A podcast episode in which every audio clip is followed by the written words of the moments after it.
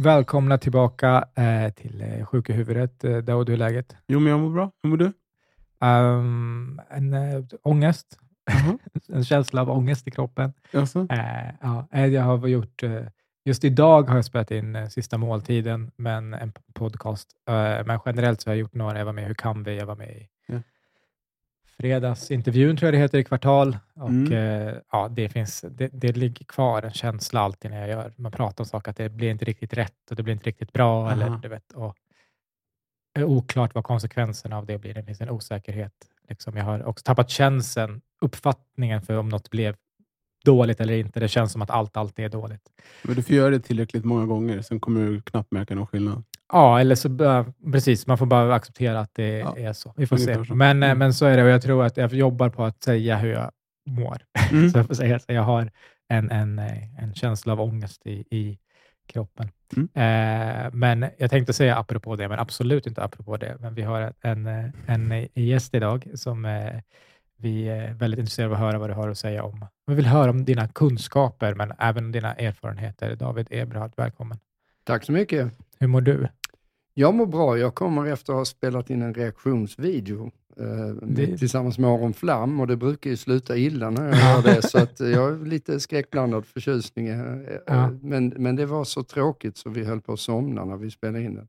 Jaha. Har din kropp inte eh, på samma sätt det här minnet som min kropp har av, av de här dåliga erfarenheterna? Du har ändå en bra känsla trots att du sist du gjorde det här som du säger så gick Ja, det var inte sist. Jag har ju faktiskt Nej. gjort det flera gånger sedan dess eftersom jag valde när jag blev utsatt för det här drevet att eh, helt enkelt inte vika mig för, för de här eh, krafterna. Utan Mm. jag, jag fortsatte och har fortsatt göra reaktionsvideos hela tiden. Eh, eftersom allt annat skulle ju vara att säga att jag, jag typ att ja, det, vi gjorde fel och jag anser inte att vi gjorde fel. Jag, jag anser att tonen blev lite, eh, kanske inte den bästa utförandet Mm. eh, som har gjorts i världshistorien, men i sak hade vi ju helt rätt, så alltså viker mig inte. Mm. Mm.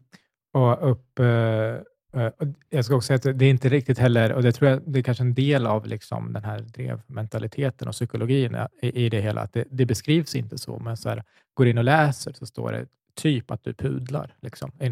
Ja, han medger eh, att det blev fel. Liksom. Ja, e- eller att jag, ah, det där, vad är det där för en pudel? Det är ju Mm. det vanligaste av allt. Mm. Ja, ja. Eh, Att de säger, och, och inte ens han, han, när han ska pudla så gör han inte det. Eh, Och det är därför att jag inte pudlar, eftersom det enda jag pudlar för är att jag, det var eh, möjligen bad performance. Mm. Alltså det vill Mm. säga att det, det vi försökte göra, det vill säga att eh, beskriva en person som sitter, för lyssnare kanske inte känner till allt om det, vi gjorde en reaktionsvideo på eh, Min sanning i SVT Med Bianca med Kronlöf. Bianca Kronlöf och, och där hon sitter och outar sin före detta pojkvän som våldtäktsman och sen Mm. beskriver hon ett händelseförlopp som på inget sätt är en våldtäkt utan helt frivilligt. Även om hon kanske tyckte det var obehagligt Mm. eh, så har hon i alla fall ytterst med, tydligt sagt ja till det här och då är det ju ingen våldtäkt, vilket vi kommenterade utan att skratta, vilket vi också har fått höra att vi satt och skrattade. Mm. Vi satt ju och skrattade jättemycket åt Bianca Kronlöf, men det vi skrattade åt var att hon är en ganska dålig komiker. Mm. Eftersom hon drar skämt som folk inte kan relatera till. Det skrattar vi åt. Och att hon sökte scenskolan nio gånger tyckte vi också var lite roligt. Så det fanns många saker vi skrattade åt i den här videon, men inte åt det här övergreppet. Men det är ju det som då eh, i drevet har kommit ut att Mm. det var det vi gjorde, vilket vi som sagt, man kan bara titta på det och säga vi skrattar inte åt det här. Mm. Och hur, om man liksom eh, försöker att, eller jag tänker så här, det som händer för, som du säger, det finns där ute, folk får titta på det och fatta sin egen åsikt om, om, Ja. om det, men hur, är du nyfiken mer på, så hur var det för dig? Hur länge sedan var det här det här hände? Det ett här var i februari Ja. i år. Ja, så typ ett Mm. halvår sedan då nu när vi spelar Mm. in. Ja, lite drygt. Ja, hur, var det, hur var det för dig? Nej men det var ju fruktansvärt. Alltså, och det som egentligen kan man väl säga så här, hade det här hållit sig till de usual suspects, Irena Påkär och Shaba Bene Perlenberg och Isabel Adlikams och Nina Rung och de här människorna. Eh, om det liksom hade vaskat runt på nätet, det hade jag nog varit eh, ganska obekymrad över. Problemet var ju att det sen eh, uppmanade ju de här personerna, alla sina följare, att ringa till min arbetsplats och ringa Mm. till, jag var uppbokad på Svenska psykiatrikongressen där jag hade två anföranden, ett om ADHD eh, och ett om eh, beroende, som på inget sätt har med det här att göra. Och båda de blev inställda och sen fick jag sparken som chef. Eh, och, och Det är också lite intressant rent psykologiskt vad som händer. För att den här reaktionsvideon var ju, vände sig ju till 35-40-åringar, eller 30-40-åringar, eh, som allihopa vet vem Bianca Kronlöf är och som vet att hon har två miljoner följare på Instagram och att hon är en maktperson och att hon inte är en liten flicka utan 37 år är småbarnsmamma. Mm. Men mina 60-åriga kollegor såg ju inte det, utan de såg ju en liten flicka, som värnlös liten flicka utan någon som helst makt, som vi satt och hånade och som representerade alla små stackars flickor, vilket jag tycker är sjukt sexistiskt. Mm. För det du gör då, det är att du behandlar henne ungefär som att hon är ett värnlöst offer, när hon i själva verket är en maktperson som vi eh, hånar, eller vad Mm. vi ska säga, ifrågasätter är ett bättre ord. Däremot var ju formen, vi, vi satt orakade och såg ut som vita heterosexuella eh, medelålders män, Som ni är. eh, som vi är. Ja. Mm. Ja, ja, ja, vi kan inte göra någonting Nej. åt det. Vi är ju Nej. det. Eh, och, och därmed så framställdes som att vi på något sätt var i någon slags maktposition långt över henne, vilket ju inte vi såg det som överhuvudtaget. Och Nu ska vi inte gå in allt för mycket på liksom, som sagt, det, vad som hände och vad vi tycker om, om det, men hon, ändå, hon beskriver ju en, en, i situationen där hon, har hon inte makt, som hon beskriver. Alltså Nej, hennes historia. inte. Nej. Och, eh, Och, och, och, och, och det var inte så att vi inte tyckte att det här var en hemsk upplevelse för henne. Mm. Men det sa vi också. Det sa vi dock i den långa versionen. Sen hade vi en kort version Mm. så, som klipptes ner där det blev väl. Och det, och det är det också som jag har pudlat, eller vad man ska säga. Att, Mm. Ja, den här formen noterat. blev för spetsig helt Mm. enkelt. Mm. Alltså, det vill säga bad performance. Men, och sen så, eh, och vad tror du är, liksom, eh, om åter pratar om psykologin bakom att du sen fick eh, sparken, då, eller fick gå. Eh, för, hur, för jag upplever, nu blir det lite ledande fråga här helt enkelt, men eh, om du känner igen det här, för vad jag ser i väldigt många olika drev, och efter att själv varit utsatt, så det som händer är att man skapar ett, ett nytt status quo runt en person. Eh, och man är, för man är inte nöjd då med till exempel att det skrivs på internet bara, utan då hör man av sig till människor Mm. och man tvingar, man tvingar, men man försöker att få dem att göra så som man själv vill. Så det här är, det här är vad jag tycker om David, så jag kommer ta avstånd, men det räcker inte, utan nu vill jag att du också ska göra det, Ja. och, och du Mm. också ska göra det. Och så måste du ha varit med om också. Jo, verkligen. Och så upplevde jag, alltså, även i efterhand, alltså långt, flera år efter, även efter metoo, Mm. så är det så här, någon som verkar vara kompis med mig eller Mm. på något sätt interagerar med mig, så får en massa människor på sig och då väljer de att Mm. distansera Men, sig. men det som är... Lä- ja, förlåt, nu kanske jag avbröt. Nej, men Nej, nej, men det som är spännande, eh, eller det finns inget negativt som inte har vissa positiva eh, bieffekter. Trots allt, det är ju någon klyscha, men, men det ligger någonting i. Det- Det som jag märkte i våras, det är ju att man vet vilka ens polare är och man Mm. vet vilka du absolut inte kan hålla i handen. så är det. Men Mm. det är, för jag inte hur det är för dig, men det var en lärdom som jag gärna hade sluppit. Eh, Ja, absolut. Jag hade- absolut. Folk fick gärna, jag hade gärna låtsats tro att eh, massa människor var mina vänner. Men jag, jag tror att, eh, eh, men, men att det blir liksom en, en och då, ett tydligt exempel är med, jag har inte med någon av oss att göra, men han, rektor Hamid, tror jag den, Ja, han hette, Ja. eh, som där det kommer fram att han på Flashback hade skrivit eh, nedsättande saker, om, rasistiska saker. Homofoba och eh, antisemitiska Semitiska. saker var det han Ja, exakt. Men det var ju långt tidigare. Men, men, eh, Men men, ändå. eh, liksom så här egentligen. Det kommer fram en skandal. Mm. Eh, och han är med då På spåret eh, under den här säsongen som spelas in. Då. Och så du vet, folk blir upprörda, det går hela den här drevgrejen och sen så, du vet, så, och tidningar gör det, media, och folk, det, man hittar folk som tar avstånd om man hör av sig Mm. och, så folk tar, och så tar man avstånd för att det är lättast istället Mm. för att bara säga så, jag, så som jag har känt den här personen är på det här Mm. sättet. Mm. Och han jobbade också på en skola, i- jag tror Växjö, men någonstans i Mm. Småland. Gnosjö, nej, nej, nej, nej, det var Mullsjö. Mullsjö i Mm. Västergötland tror jag det var. Ligger inte Mullsjö i, i Det Småland? ligger i Småland. Det ligger där gränsen någonstans. Ja, men, men, men Ja, eh, han, han, han jobbade på en skola Mm, eh, mm. och eh, lite extra tror jag åt dem, liksom, på Jag något sätt konsult. Eller? Ja, Han du- hade du- något jobb. Han hade något jobb kommer där i alla fall. och det blev han av med. Jo, men det var hur han blev av med det. För de sa så här, oh, men du vet, det här, vi är jätteförvånade, det är inte alls så här vi känner honom. Mm. Eh, hos oss Mm. har han varit exemplarisk, han har varit så här, så här och så här. Vi är jättenöjda med jobbet han har gjort här, Mm. Men det här är såklart fruktansvärt och vi ska prata med honom om det här och det, det Mm. här är inte något som vi står bakom och så här. Mm. Em, du vet, och så får, han sparken? Så här, nej, nej. Liksom. Han kommer inte få det. Och sen fortsätter det, så är det fler som den tar avstånd, den tar Mm. avstånd, den tar avstånd, Mm. den tar avstånd och sen senare på kvällen, ah, han får sparken. Så var det ju Mm. med mig också. Jag kan ju säga, jag satt ju med vdn för vår, eh, bolaget jag jobbar för, Mm. eh, som sa, "Ing- alla är jättenöjda med dig som chef. Eh, säger han under, bjuder på bu- bullar gör han också. Mm. Eh, alla är jättenöjda med dig som chef, alla tycker att du är en fantastisk doktor, men tyvärr måste vi ge dig sparken som chef. Mhm. Och För att då har de här eh, Nina Rung och hennes anhang liksom bombarderat företaget Mm. med mejl. Och det Mm. finns någonting, tycker jag, alltså det var psykologiskt, det är int- intressant i, i det där att man får människor, alltså att man, man sätter press på andra att göra som man vill och att det blir en ny, så här blir det. Så ni som in, om man inte då tar avstånd ifrån Mm. dig, då håller man med dig. Liksom. Då så tycker man att det var bra. Ja, ja. Och, och, Och i han, var ju, förlängningen- han var ju hårt ansatt, vdn, för Mm. det var ju någon skola som sa vi kommer inte skicka våra elever till er. Ja. Ja. Alltså, så man fattar ju så någonstans. Jag, Ja. tycker ju att jag, jag hade inte gjort som han. Jag hade Mm. i, i, för min del så hade jag sagt okej, ge det här en månad så ser vi vad som händer, för då lägger det sig av sig själv. Mm.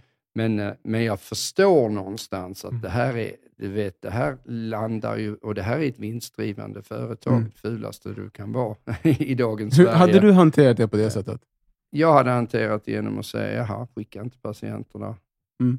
Får vi se hur det går. Det är ju inte så som att det är ont om patienter. Ja, nej, så är det ju. Eh, Så, så jag menar, det, det, det är bara att vänta ut. Och en månad senare så var ju det här, det hade ju bara, alltså på, det var ju dött. Mm. Så det är klart att du bara hade kunnat vänta ut det här. Mm. Och jag tycker det blir så tydligt när man märker, när, du vet, när reaktionerna, när det dröjer ett tag. Så, här, så, Mm. som i mitt fall så säger så här, men efter metoo så är det så här, fortfarande folk som säger, men vi det går ett år och två år och vi är fortfarande vänner. Men sen så blir det någonting medialt liksom, Mm. och så får de kommentarer eller så. Mm. Och till slut så orkar de inte stå emot, inte alla, Nej. men en, en del. Och jag, Men- sagt, Människor är ryggradslösa helt enkelt. Mm, ja, jag skulle inte säga Nej, det var så. lite elakt, det är Mm. spetsigt att säga. Men, men, men med, med det sagt så det är väldigt tufft att vara utsatt för det som de är också. Exakt, och Mm. jag tror att man ska inte underskatta hur Nej. jobbigt det är och att, att problemet är de här som utsätter dem, Ja, ja. tycker jag. Och Eller de är liksom, väldigt ska- få, men de är väldigt högljudda. Exakt. Mm. Och det, det, är, det finns någonting i det här att man ska försöka att inte...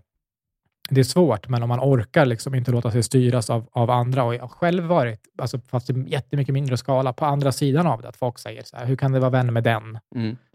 Aron, apropå som du tog Mm, upp här, mm. är, är ju en sån som Ja, ja. återkommer. För också Aron, så som jag känner honom, Mm. och Aron på internet, är två olika Ja, personer. ja, Aron är en av de finaste och mest omtänksamma personer jag känner, men hans eh, offentliga persona är liksom evil genius. Ja. Mm. Och, Mm. eh, så ju jag, själv, jag, så han spelar ju på det. Ja, Mm. och jag säger ju också det till, till men, men det är inte bara så, så Aron har ju ringt och skrikit på mig i telefonen och, och, och liksom vi har haft, men jag älskar Aron. Mm. Men jag kan förstå och uppskatta komplexiteten också i, Mm. i och hos Aron, men jag har också fått se den. Men jag kan förstå att folk som inte ser den eller bara ändå inte tycker om honom, så här, fine.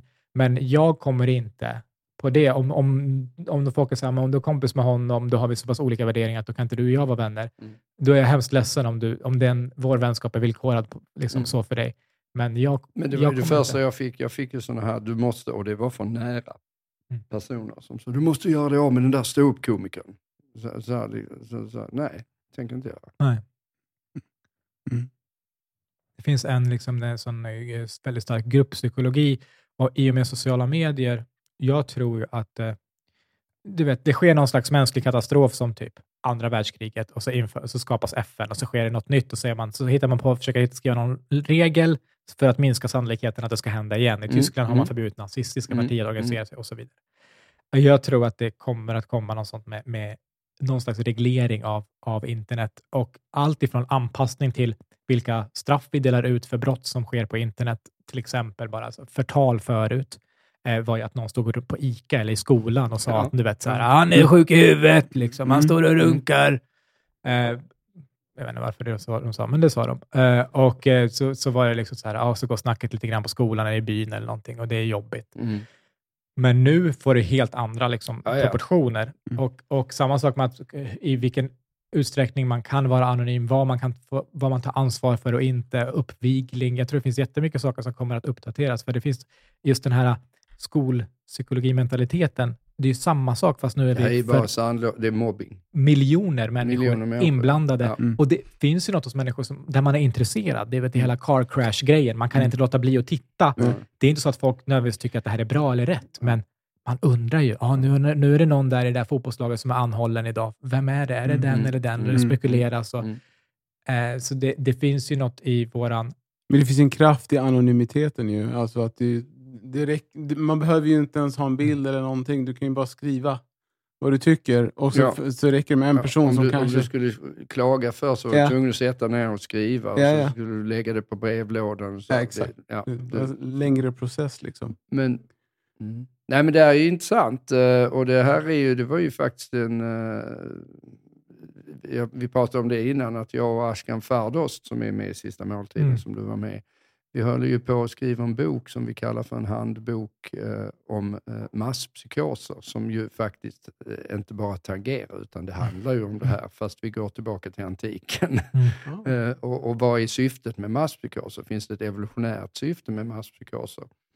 Eh, för det här är ju en masspsykos. Både metoo är ju en masspsykos. Det finns ju massa fenomen som är, även om det i grunden är bra grejer, Mm. så kan det då urarta till den här Mm. typen av eh, drev som, som är egentligen samma fenomen som häxbränningar eller franska revolutionen och sådana saker. Det är det vi försöker Har Lyckas, skri, ni, skriva en bok även om ni Mm. inte är färdiga än, är ni, eh, lutar ni åt någonting? Finns det ett evolutionärt syfte eller har det blivit... Ja, men det, det finns ju. Vi har ju suttit nu, jag tror jag har beställt fem eller sex sådana här tjocka, nu ser jag det här en podd, så det är Ja, ganska men- dålig men så här tjocka, att man så, hör- Så här, du Mm. hör jag att hör de är ju så tjocka. här tjocka. De är väldigt tjocka. Ja. eh, är tjocka. Luntor om Ja. det här, så det är många som har forskat på det här. Mm.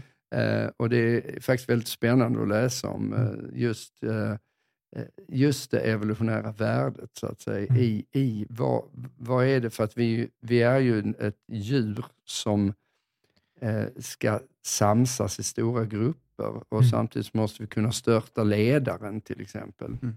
För att om du inte kan störta ledaren så kommer det gå åt helvete för hela gruppen. Mm. Så att du måste ha, ah, det finns många grejer där som är intressanta Mm. som vi sätter Ja, oss in i och skriver om. Men det, det är ju någonting också, som, alltså att man, vi behöver också ha gruppen Ja, ihop, och stark. Och det Ja. finns ett, ett, och också, det är inte bara, tänker jag, det är ett belönande i att vara med i gruppen. Det är också det otroligt bestraffande i att gå emot gruppen. Exakt. Det, det innebar ju död. Ja. Eh, tidigare och, om och du det belönande, det finns ju en eh, René Girard som är intressant som skrev om det här. Jag vet inte hur vetenskaplig han egentligen är, men man har gjort rätt mycket vetenskap på hans teorier om syndabocken. Hur viktig syndabocken är. Mm. Eh, syndabocken är ju den som åker dit Mm. på masspsykosen, men Mm. den lyfts ofta sen. Eh, Den optimala syndabocken är ju Jesus. Jesus va? Det Mm. finns ju massa andra genom historien som man bygger kulter kring och kulten i som sådan stärker gruppen. Så att Så du och jag ska bara, du och jag ska bara härda ut vi, nu. vi- vi ska helt enkelt starta en ny religion. Ja, ja, ja. Det är ju det, Är det det du har gjort? Fast med politiken. Alltså Medborgerlig Samling? Nej, det, det kan jag inte riktigt säga. Medborgerlig samling. Jag, jag, jag, Du kommer inte flytta ut på landet och hålla på och ha så här Odla skägg har och i alla fall sagt att du inte ska. Ja. nej, nej, jag Nej. tror att det, det, det lockar mig inte Det jättemycket. lockar inte. Nej, lockar mig inte jättemycket. Ja. Nej, Medborgerlig Samling är väl mer att jag tycker att eh, det finns inget riktigt borgerligt parti, utan de borgerliga partierna i Sverige idag är ju, eh, alltså de är borgerliga, men, men de, eh, de spelar på Socialdemokraternas planhalva eftersom det sitter i svenskens DNA att vara socialdemokrat. Eh, och eh, Medborgerlig Samling är egentligen bara som Moderaterna var innan Moderaterna började spela på Socialdemokraternas planhalva. Så ser jag det. Det vill säga att vi är något tydligare i att man bör sänka skatten. Något tydligare i att lägga ner en jävla massa idiotiska myndigheter som bara har en massa Samhall för akademikerjobb. Eh, minska administration, eh, etc. Så att det är ju, det är ju det, det tråkiga med Medborgerlig Samling är att de är så, det är så lite populism. Eftersom det är så lite populism så, så är det ingen som bryr sig. Ja. Mm. lite så. Och det här, nu, vi har egentligen, ska kanske ta lyssnarfrågor sen, men nu är vi inne på det, så jag tänker vi tar, då är det någon som får undra hur det är att kombinera vetenskap med politik och om det finns någon motsättning däremellan, som du säger, och hur du i så fall hanterar den. Eh, Nu, nu är jag ju, så, som Medborgerlig Samling så brukar man säga att vi är inte politiker. eh, vi, vi är inte politiker, vi är liksom yrkespersoner. Alltså, vi, vi är inte, vad säger man, eh, yrkespolitiker. Vi är Nej. politiker med yrken. Eh, det vill säga, jag är ju i första hand eh, psykiater och Mm. beroendeläkare och eh, kan jag tillföra någonting utifrån min kompetens som läkare som är bra för samhället så tycker jag att jag gör det. Men, men, men det är klart att trovärdigheten naturligtvis om man då går med i ett parti. Det är ju jättemånga som går med i partier så jag är inte ovanlig med det. Jag, jag kan ju tycka att det, folk bör gå med i partier och jag har inget problem med att man är med i vilket parti som helst så länge man, de argument man kommer med är grundade i någon form av rimlighet, Mm. Analys av finns- världen. Finns det en motsättning mellan det politiska och det vetenskapliga? Eh, så som det? Nej, nej, jag tycker faktiskt inte att det finns en, en motsättning därför att jag, har inte, jag tycker inte någonstans att mina lösningar per automatik... Om vi säger så här, vi, vi, vi kan prata psykiatri och då vet jag vad som är vetenskap vad gäller psykiatri och vad som inte är vetenskap. Vad jag inte kan veta, det är vilket är... Om vi, om vi säger, jag företräder uppfattningen att vi borde byta sjukvårdssystem från det som vi har idag, eh, som bygger på skattsedeln enbart, Mm. till det man har i Holland, Frankrike och Tyskland, där man har en grundförsäkring, men egentligen är det ett försäkring. Alltså det är inte som i USA, Okej. där du kan liksom hamna på gatan, Mm. utan alla medborgare har en grundförsäkring. Mm. Men sen kan du teckna försäkringar utöver det, så att säga. Och, och, och det, det är min, ska vi säga, politiska tro att det kommer, och det är också i och för sig visat i ganska, om man tittar på jämförelser med Holland, Sverige, Tyskland, Frankrike så ser man ju att Holland, Tyskland, Frankrike i alla undersökningar, jämförande undersökningar har, anses ha en bättre sjukvård än Sverige. Mm. Eh, och det är på nästan alla parametrar, eh, i synnerhet tillgänglighet. Eh, men, men det är min politiska... Jag, jag kan inte säga att det där är vetenskap. Jag kan säga ja, det, det stöds av de och de här eh, jämförande undersökningarna. Men det har ingenting att göra med hur jag ska behandla en eh, tablettmissbrukare Mm. eller, eller alltså mi, mi, mitt yrke där jag går på an, annat. Så jag, jag kan inte säga att det är något större bekymmer att jag, och jag har inget problem att jobba med människor som tycker att vi ska ha en offentligt finansierad Mm. vård och den ska vara si och så. Det är ju inte så att vi bråkar om det. Ja. Det kanske vi kan bråka om på kafferasten, men det är ju Mm. ingenting som gör att vi inte kan jobba ihop. Exempel. Och jag tror att frågan var också bara allmän. Så Mm. tolkade jag den. Så att Ja. det inte var så här, hur gör du? Utan bara, finns det liksom... Nej, nej, men jag, en- jag, jag, jag, jag, jag tänker det ur ett allmänt perspektiv. Ja. Det är inget problem. Jag tycker att problemet idag i det offentliga samtalet, det är ju att man, lite som vi var inne på i den här drevdiskussionen, vi pratade om det jag och Aron innan. Jag är ju jättegod vän med Bob Hansson, eh, poeten. Mm. Så, och vi har ju politiskt diametralt olika uppfattningar, men det har ju ingen betydelse för vår vänskap. Mm. Men det är ju så det, det offentliga samtalet idag, lite som du var inne i, ja, du Mm. kan inte vara vän med den där människan, Mm. för att då är jag inte din vän längre. Mm. Det är ju sandlådementalitet. Jag menar, jag kan vara bästis, jag ska ut och dricka öl med några av mina äldsta vänner som är supervänster. Noll problem med det. Över, Många av dem som var väldigt schyssta också när jag var utsatt för mitt drev, är ju politiskt av en helt annan uppfattning än jag. Mm. Och det är ju så det måste vara. Mm. Alltså, alltså det Men jag kan tänka inget- mig att, eller jag vet inte alls om vad den här personen hade för, för tanke med, med frågan, men det som poppade upp i mitt huvud direkt var eh, en, eh, Fredrik Malm, eh, li- liberal, liberal. Mm. eh, som, eh, och jag vet inte om det här, jag såg det som, jag vet inte hur gammal den här intervjun är, men om man pratar om skolan, Mm. att det är hans övertygelse om att betyg, eh, det är bra med betyg och så lyfter de så här, men Mm. forskning säger att det är varken till eller från för de som har bra, men de som har dåligt riskerar att bli liksom, tappar lusten när de får dåliga betyg eh, gång efter gång. Och, så här. och jag är inte insatt Stämmer i... det verkligen? Nej, men, jag är inte skit, så skit, säker på det. Skit i det. Det det, det, det, sake of the argument, fortsätt. Ja, exakt. Mm. Det, det är skitsamma. Och hans var ju så här, men jag, jag har själv två, nej, det där, jag har själv två barn, jag vet hur det är. Och Ja, det är ju ett dåligt argument. jätte. Och, och jag menar inte så här, han kanske var, hade en dålig dag eller var pressad Mm. och har bättre argument. Jag menar inte att, Mm. att han ska... Men, men dit, det var så jag tänkte när jag läste den här frågan, att, att det finns en, att, att i politiken så finns det inte kanske... Eh, i, min, så som jag har lärt mig en vetenskaplig metod och så, det är att eh, tvivel, det finns jättemycket plats för tvivel. Man, man, med vetenskap så bevisar man ingenting, man bara motbevisar andra teser. Man ställer. Pop, popper, det gäller att ha en falsifierbar hypotes, Ja, helt enkelt. och så har vi något och så testar vi så här. Tror vi att det här, Mm. verkar det här vara Mm. mera sant än det här? Ja. Ja, då kan vi avfärda det vi visste innan Men det tycker jag som ibland, ovetenskap. ja, men det tycker jag som svar på frågan, då, Mm. det tycker jag är för lite av det i politiken. Exakt, och, är, så, Och då- så jag tolkar det finns det Ja. inte en, en, en, en liten krock här där det inte finns utrymme för ett vetenskapligt tänk eller vad man ska säga och de nyanserna eller den ödmjukheten som jag tycker bör finnas i god vetenskaplig teori Och, och, och, finns det- inte plats för inom politiken. Nej, men det är det jag tycker.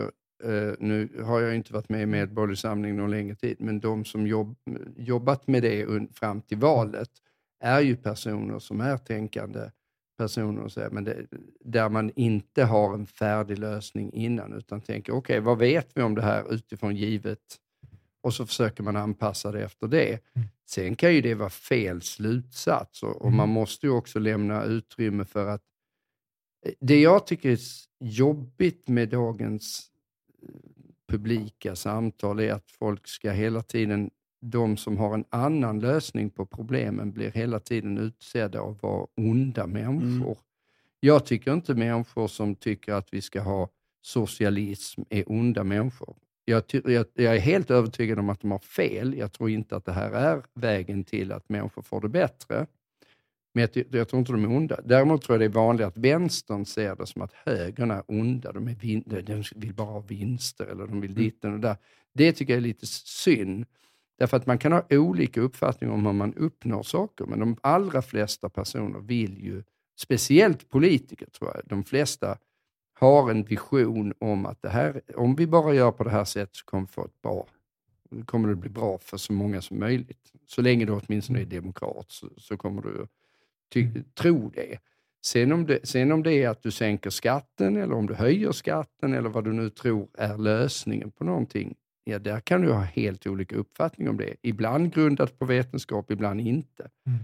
Men, men jag, jag tror att om man bara släppte det där och tänkte, ja men herregud, vi vill, vi vill nå ungefär likadant fast vi har helt olika medel att nå det. Mm.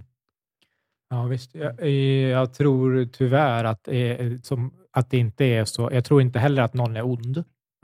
I princip någon. I princip. Ja, det finns onda människor. Det, det fick jag finns- skit för när jag skrev boken Normalt. Kan jag Ja, säga att jag men- faktiskt sa att eh, psykopater är inte särskilt goda. Liksom. Mm. Nej, men det, det finns... Men de är inte så många. Nej, men det, exakt. De men, ställer men, till med elände. det gör de verkligen, Mm. men de är så få så jag tycker att så här, när vi diskuterar så är det så här, det, det finns, men det är inte liksom... Eh, men eh, däremot så tror jag inte att politiker... Jag tror att de började någon gång med att ha en vision, men jag tror att systemet, så som systemet är nu, så det de försöker göra eh, har blivit så. Alltså det är bara psykologi återigen. Så här, människor gör vad som är belönande på kort sikt och inte vad som Absolut. belönande på lång sikt. Och det som är belönande på kort sikt är att behålla makten, Mm. behålla sitt jobb, eh, Ja. behålla rykte. Bring home the bacon. Allt Mm. det där. Så att jag tror tyvärr inte att systemet som det är nu möjliggör inte för människor att gå på sin vision, utan då är man villig att ändra sig ifall det verkar som att Jaha, du, ni gillar den här andra visionen bättre. Du ska se hur många visioner jag har. Mm. Ja, vilken vision? Mm. Du, Mm. Säg en vision så kan jag Mm. ha den. Och sen tror jag också att man följer med massan även lite drevmässigt eh, överlag. Att man så att säga vad är opportunt att tycka just nu. Mm. Exakt. Titta bara på invandringspolitiken och den har ändrat sig på 15 år. Ja. Mm. Och, och efter 2015 så alla ändrar. Mm. Och Så- också åt, åt andra hållet också. Ja, det, det är åt ja. vilket håll, precis, och det är Ja. det som är grejen. Kärnkraft bara. Ja, Det blir krig nu och nu ska Ja. vi få ont om el och då ändrar man sig. Ja. och. Mm. Ja. Och man får ändra sig, men jag tycker bara man ska vara ärlig med så här. Det här är an- Förut tyckte jag så här Och nu har jag pratat med en person som säger så här och så har jag läst på. Och nu, det, det nu är jag tvärtom. vetenskapligt att ändra sig när du, har, när du är överbevisad. Ja. Det, det måste man göra. Däremot är det lite fult att göra det när man säger att vi har alltid velat gå med i NATO. Exakt. Mm. Exakt. Och det är det som är, är oerhört. Men nu när du blev eh, utsatt för det här drevet så sa du, att, eh, vilket jag förstår, att du mådde jävligt dåligt. Eh, har du så, eh, har du mått sämre? Har du varit med om något jobbigare i livet? Alltså Alltså jag miste ju en, en dotter när jag var 21. Mm. Det var jobbigare, men det, det ligger på andra plats Mm. efter det Mm. kan jag säga. Hur, och då var du 21, så då var du ganska ung. Och sen Mm. dess så har du både blivit mycket äldre och under den livstiden så har du hjälpt massa människor som har mått dåligt.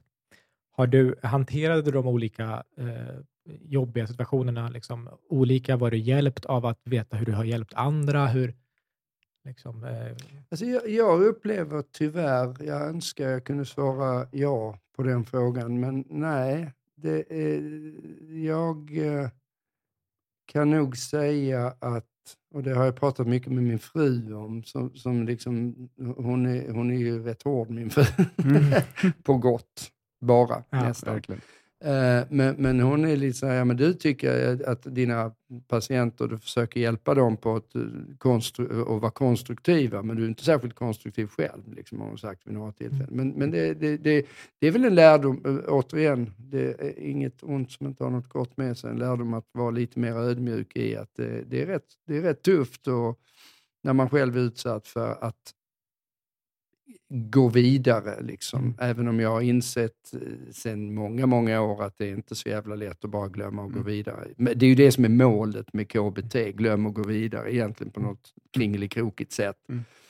Men, men det är inte så himla enkelt när man Mm. väl är där. har jag, förstår jag rätt att du har fått en lite större förståelse för ibland svårigheter som patienter kan gå igenom? Det, det, det tror jag. Jag tror ju dock att jag faktiskt alltid haft Mm, ja, ja, att det är inte från förståelsen. noll till hundra. Eh, Det är inte kanske. från noll till hundra, men, men ja, eh, att det här... Ännu mera förståelse kanske. Ja, det tror jag att jag, jag inser, ska vi säga, blindskären i eh, hur, hur, Mm. att du, Var du, man kan du, gå du, fel. Du, du, du, du tänker att jo, men det här, nu, nu är jag över det här och sen bang så rasar man ner igen. Ja. Mm. Och där är också, jag tycker intressant, vi är ju också i, i, i skolan då, inne på sista året, men, men eh, man ju prova på att göra massa saker också själv just för, och det är också, även om man förstår det, så något helt annat, beteendeförändring. Hur svårt det kan vara att ändra ett beteende, och som Mm. det är, börja träna, sluta Mm, röka, mm. eh, sluta smacka när man pratar, vad som helst. Ja. Så, eh, så får man får göra det här själv till exempel, för så man ska se hur svårt det är. Och det, även om man förstår, läser teorin och fattar det och, Mm. och kan förstå, så- är det något annat att faktiskt gö, göra det. Och jag tror liksom generellt att man behöver känna någonting för att riktigt den lärdomen Mm. ska gå in. Alltså känna oron över att ha lite pengar för att du ska kunna uppskatta pengar. Du behöver känna hur svårt och jobbigt det är att skapa en Mm. förändring. Och det är inom- jättesvårt för att eh, du kan inte tvinga folk till det. Liksom det, det. Det landar där. Och där är ju den där svår... För det finns ju, även där finns ju ett problem. Och det är ju att, ja, det är förmodligen en jätteviktig erfarenhet att ha haft eh, någon form av motgång som är väldigt eh, besvärlig och som du faktiskt inte riktigt hanterar på det sätt som du vill. Men det är å andra sidan en Går du för långt, det finns ju en del som väljer att jobba med psykiatri, psykologi för att lösa sina egna problem. Och Mm. det är ännu värre, Mm. skulle jag säga. Så, Mm. så det, det, det, åter, det, liksom, det måste ligga någonstans mitt emellan där. Mm.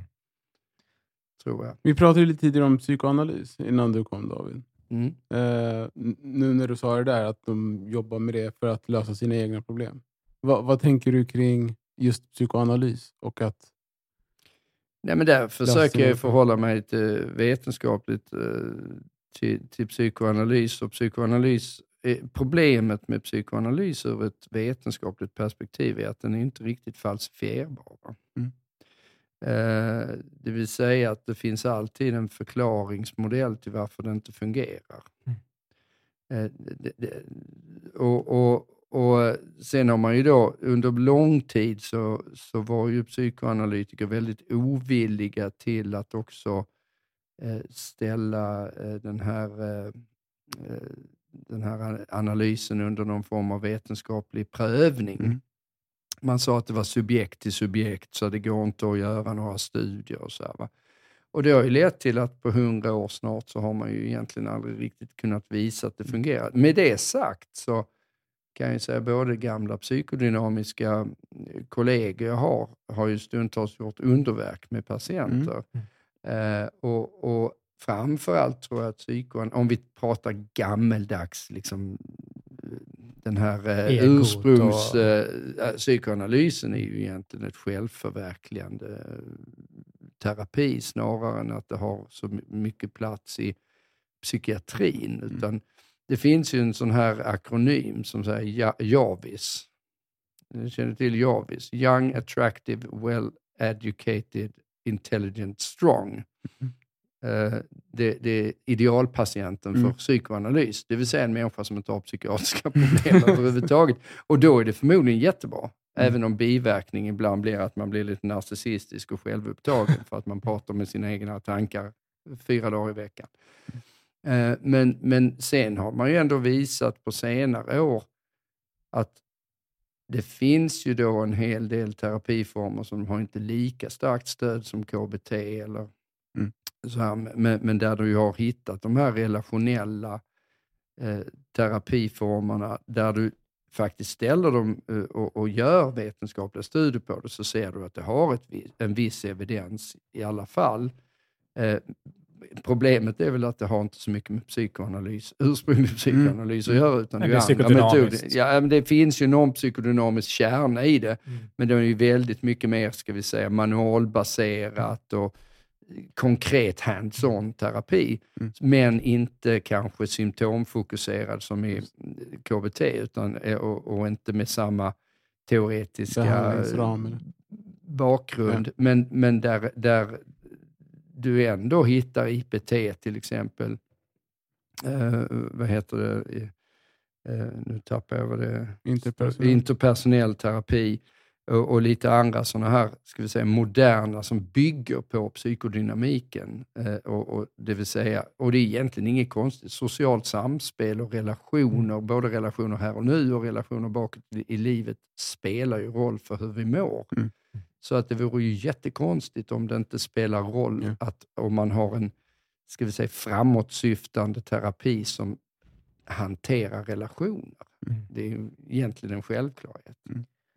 Att, eh, att må dåligt då? Man mår, eh, folk som mår riktigt, riktigt dåligt jättelänge kan få... Jag har liksom fått upp ögonen för, du David vet mer om- än mig om det här och garanterat du, men, men eh, nyligen, om, eh, och det har inte varit aktuellt liksom för, för mig, men eh, ECT, alltså electroshock therapy. Mm. Har du någon egen erfarenhet eller åsikt om, om det här? Jag Eh, kan säga det första, när jag var i 20-årsåldern så jobbade jag som mentalskötare på Sankt Lars sjukhus i, i Lund. Det var gamla mentalsjukhuset som Mm. lades ner sen. Eh, och det här, det här har faktiskt format mig lite grann. Eh, då jobbade man där och så gick man ju som skötare och, så, och så hade jag en jag var på en äldrepsykiatrisk eh, avdelning där det satt, eh, det var många olika grejer, men då satt jag bland annat med någon äldre dam som var knalldement. Tänkte jag i alla fall att hon var. Hon var Mm. liksom helt superdement. Mm. Och sen gick jag på semester och då hade hon fått elbehandling. Jag tyckte, åh, det är gökboet, hon får elbehandling, Mm. hemskt. Kom jag tillbaka tre veckor senare och det var den finaste gamla damen jag träffade. Hon var helt återställd. Mm. Eh, Och min erfarenhet, sen har jag jobbat mycket med ECT när jag jobbade i slutenvården. Och det är ju så, det förutsätter ju att det är rätt indikation, det vill säga djup depression Mm. av det man förr kallade endogen depression, det vill säga inifrån kommande depression. Det, det handlar liksom inte om att eh, barnen är dumma mot dig eller chefen är taskig, utan du är liksom, Det är du inte sitter... stimuliutlöst utan det är... Nej, det här är alltså en, en, en inifrån, som en, som en sjukdom, ungefär som diabetes är sjukdom, liksom på samma Mm. sätt. Och det, det kännetecknas ju av att man har svarslatens, man får en fråga och det tar 30 sekunder innan du svarar och du har liksom nedsatt ansiktsmimik så att du ser ut som Ja, du liksom, Mm. eh, rör dig inte och så. här. Så det är en väldigt påtaglig sjukdom. uppmana folk som, som lyssnar, för jag tror att folk, eh, eh, generellt i samhället så slänger vi oss med många Mm. av de här termerna och säger att Mm. har allt från ångest till eh, panikattacker Ja, till, men till depression. Så det- googla, så får ni, eller sök på YouTube så får man en bild eh, Ja. av, för det är verkligen, man, det är en annan sak än vad många tänker med depression. Är, Ja, nej, men det här är ju depression i dess extrem. Mm. Och i den kategorin så är ju ECT eh, livräddande i princip. Mm. Alltså, det, det är ju enormt, det är mirakelkur. Mm. Alltså verkligen. Sen är ju problemet, eh, och ECT, alltså problemet är om man börjar ge det här då till de som, där chefen är dum eller hunden har dött eller något sånt där, nej, då kommer det Mm. inte ha någon effekt. Utan det har effekt på, på e- inifrån endogen depression, gammaldags, det man kallar för melankoli förr i tiden. Där, där har du ju mirakeleffekt. Men vad, och vad är, varför vet man inte? För jag hade samma bild som, som du hade, fast det här var ju, du hade det för jättelänge sedan. Eh, och jag hade det även nu, tills att vi i skolan har. Många som har. ser, alltså, och det bara är utbildningsmaterial, eller du vet så bara, eh, och så ser man någon patient som är helt, som du beskriver det, totalt, det finns ingen, av dem, det finns ingen anledning att leva, det finns ingenting och Ja, helt de, borta. de är helt apatiska. Ja. Mm. Och sen så får de, eh, jag kommer inte ihåg vad det var, tre e- e- e- elchocksbehandlingar. Och eh, som du säger, en helt annan person. Och Mm. då kände jag så men varför, varför vet vi inte mer om det här? Varför har inte alla det här? Och varför, varför vet vi inte mer om det här helt Ja. enkelt? Och vad, vad tror du är svaret på det? Varför används det inte mer? Behöver, så här, används det i alla tillfällen när det behövs? jag tror Sverige ändå är ganska bra där. Jag tror inte vi använder, eh, inte för lite ECT. Eh, däremot så är det väl så att allmänheten, för allmänheten, speciellt de som är lite äldre och sett gökboet, så Mm. är det ju det är väldigt stigmatiserande med ECT. Och många, många patienter har man fått prata med ganska länge och så, de säger elbehandling kan jag inte få. Liksom. Det, så här, men, men eh, det är ju få som ångrar sig om de har det här ursprungs eh, tillståndet då. Mm. Men, och sen är det ju också ECT har ju förhåll, ganska lite det som, är, det som inte är så bra med ECT är att Mm. eh, effekten tenderar att klinga av. Alltså det vill säga återfallsfrekvensen är ganska hög, så man bör försöka få den här gruppen till att få antidepressiv medicin. Okej. Så det, det, det ersätter liksom inte antidepressiv medicin riktigt. Men hur, om man är liksom den, en, en, kan du beskriva kan man, vad som händer? Hur lös, vet man det? Alltså det, det man vet om ECT är, är att eh, man noterade i början på 1900-talet att personer med epilepsi, som fick eh, okontrollerad epilepsi, de var väldigt sällan deprimerade. Och då var det någon eh, stjärna någon gång på 20 eller 30-talet som kom på att vi, man, om man utlöser ett epileptiskt anfall så kanske man faktiskt, att det har en antidepressiv effekt. Eh, Mm. Och det började man först göra med hjälp av eh, farmaka på olika sätt och det var svårstyrt. Så då var det någon annan som kom på att om vi ger en, el, en liten elstöt så sätter man, utlöser man ett epileptiskt anfall. Och det är det som, är, och, och det som händer då, det är ju liksom som att, vad heter det, man trycker på off-knappen En på datorn. Ja, så, man- omstart. Omstart helt Mm. enkelt. Mm. Eh, och sen så måste man ge en 6-8 sådana där, eller 6-12. Det är lite olika. Ibland Mm. kanske det räcker med tre, men då är Ja, effekten ja. sämre. Jag kan minnas fel, jag bara Eh, sa. nej, men det, ibland är det så. Eh, och och det där hade ju mirakel, så, som sagt, mirakel. Sen var det ju väldigt, sen missbruket, så man bör också ha ett historiskt, eh, man, man bör titta på historien och inte döma historien efter nutiden. Eh, för det som hände med ECT var ju att man sövdes ju inte då, utan det var ju så att man kom ju så pang, och så det var ju fruktansvärt, och så gav man det med tvång till folk och sådär. Så det, det, gökbot är ju, jag tycker att eh, beskrivningen i gökbot är något twistad, men den är inte helt fel. Mm. Liksom. Men gör det ont att få i, man, du har ingen känsel i, ja, eller gör det ont? Själva stöten gör ju ont om du inte är sövd, men Ja. i, sen många, alltså, så länge jag har jobbat, och jag har jobbat evigheter i psykiatrin, så har man alltid sövts när man får ECT. Mm. Så, så du märker inte av det. Och vad finns det ingen risk? Förut, för ja, det är ju inte en risk skulle jag säga att det inte håller i sig så länge. Vad, det om jag är ju en- motståndare? det, finns ju, det finns ju en biverkning som är ganska obehaglig för vissa. Det är att man tappar minnet. Men Och det då- låter dåligt. Ja, det är jättedåligt. Men det är inte så att man får sämre minnesfunktion framöver. Men ofta kan det vara så, om vi säger att man får det här måndag, onsdag, fredag i två, tre veckor. Mm. De två, tre veckorna kommer man ha väldigt, väldigt många i alla fall, kommer ha svårt att minnas vad som hände under dem, den tiden. Men jag glömmer inte vad mina barn heter. Nej, nej absolut inte. Du, du, men, men ett epileptiskt anfall är ju så här att eh, om man får ett epileptiskt anfall, så alla som får ett epileptiskt anfall får det man kallar för postdiktal förvirring. Mm. Det vill säga att efter anfall så blir man lite förvirrad. Mm. Och Det innebär att om man då får ett epileptiskt anfall tre gånger i veckan, då kommer det där sitta i sig. Och är man förvirrad så, så präglas inte minnen. Mm. Så det blir en för många lite obehaglig... Alltså de mår bra sen, men, Mm. men den där perioden då de fick de där kommer kanske inte komma ihåg det efteråt. Mm. Och, och, det, och det skulle man ju tycka var skönt om det var så att det var helt borta, men det, ibland så är det så att det är liksom kopplat till någon obehagskänsla. Så, här. så det är ju nackdelen med det. Mm. Så det är ju ingenting man ska ge på väldigt lösa indikationer, utan det, men det är livräddande och mirakelbehandling för de som behöver. Och jag ska säga också, epileptisk aktivitet, eller ep epilepsi är ju alltså någon slags överaktivitet liksom elektriskt. För det, alltså att jag tror att många som lyssnar tänker på epilepsi som det som du vet som toniskt kloniskt anfall, alltså att hela, man ligger och skakar. Ja, men det är det du får. Det är det du Jo, får. Där ja, men Mm. när vi pratar om epileptiska anfall så finns det ju... Det finns mängder få- av olika Exakt. epileptiska anfall, men det man utlöser vid ECT är Det vet. toniskt kloniskt anfall, Ja. det vill säga att eh, du, du krampar och uh, får sådana här spänner ut dig. Mm. Så, kommer Grand Mal-anfall får man. lite Heter grann in på, på nästa eh, lyssnarfråga här som är, är någon till er båda. Då. Eh, för jag har inte sett något. Vad är det sjukaste ni har sett inom psykiatrin? Eh, jag har sett en, en patient efter den körde in en kniv i könsorganet.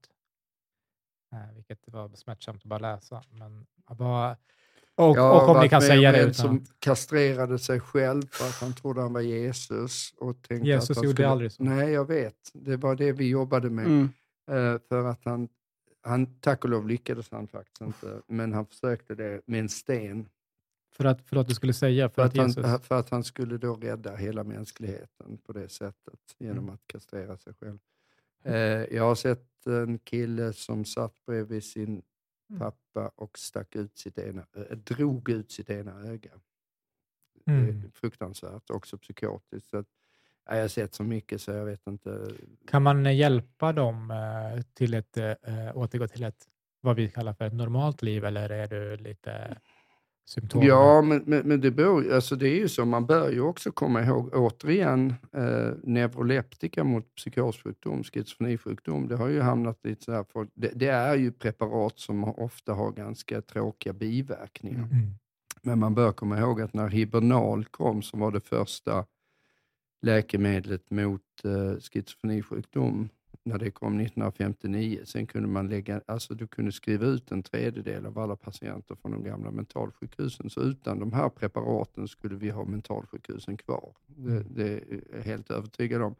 Så de hjälper ju. Eh, sen hjälper de tyvärr inte alltid eh, så bra som vi skulle vilja. Men, men, men alltså hela den här reformen som kom på 80-talet, att man kunde stänga alla mentalsjukhus och föra ut psykiatrin på öppenvården, den är ju, hade ju varit omöjlig utan eh, neuroleptika. Mm. Eh, så ett någorlunda drägligt liv kan man väl ändå säga.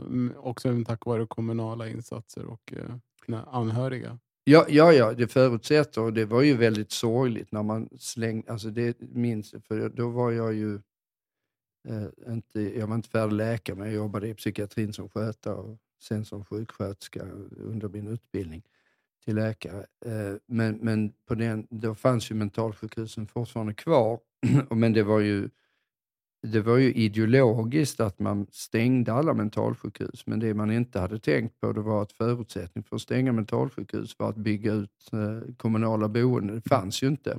Så jag jobbade, jag minns, jo men då var jag ju som läkare, då jobbade jag på akut och kristeamet, hette det på Sankt Görans psyk, eh, alltså no- det som idag heter Norra Stockholms psykiatri, som då hette väl något annat, Sankt Görans psykklinik eller något sånt. Eh, och då, alltså det var ju det var, något, det var ju hemskt. Man var hemma hos människor som hade då kastats ut från mentalsjukhusen, men det fanns, ingen boende, alltså det fanns inga kommunala boenden som jag var hemma i. Och du vet, fina lägenheter inne i Stockholms Mm. innerstad som såg ut som sopberg. Eh, Mm. Folk bajsade på golvet och så här, så man åkte hem till folk. Då. Mm. Det var liksom den enda insats som fanns. Mm. Sen har det blivit mycket, mycket bättre för det, Mm. i, i takt med att man ändå har byggt ut den kommunala omhändertagandet. Men under en period där när man precis hade stängt mentalsjukhusen, det var ju hemskt. Mm. Alltså. Hur har det varit för dig? På, har du sett något? Eh, Ja, jag är Som har varit lite som. David.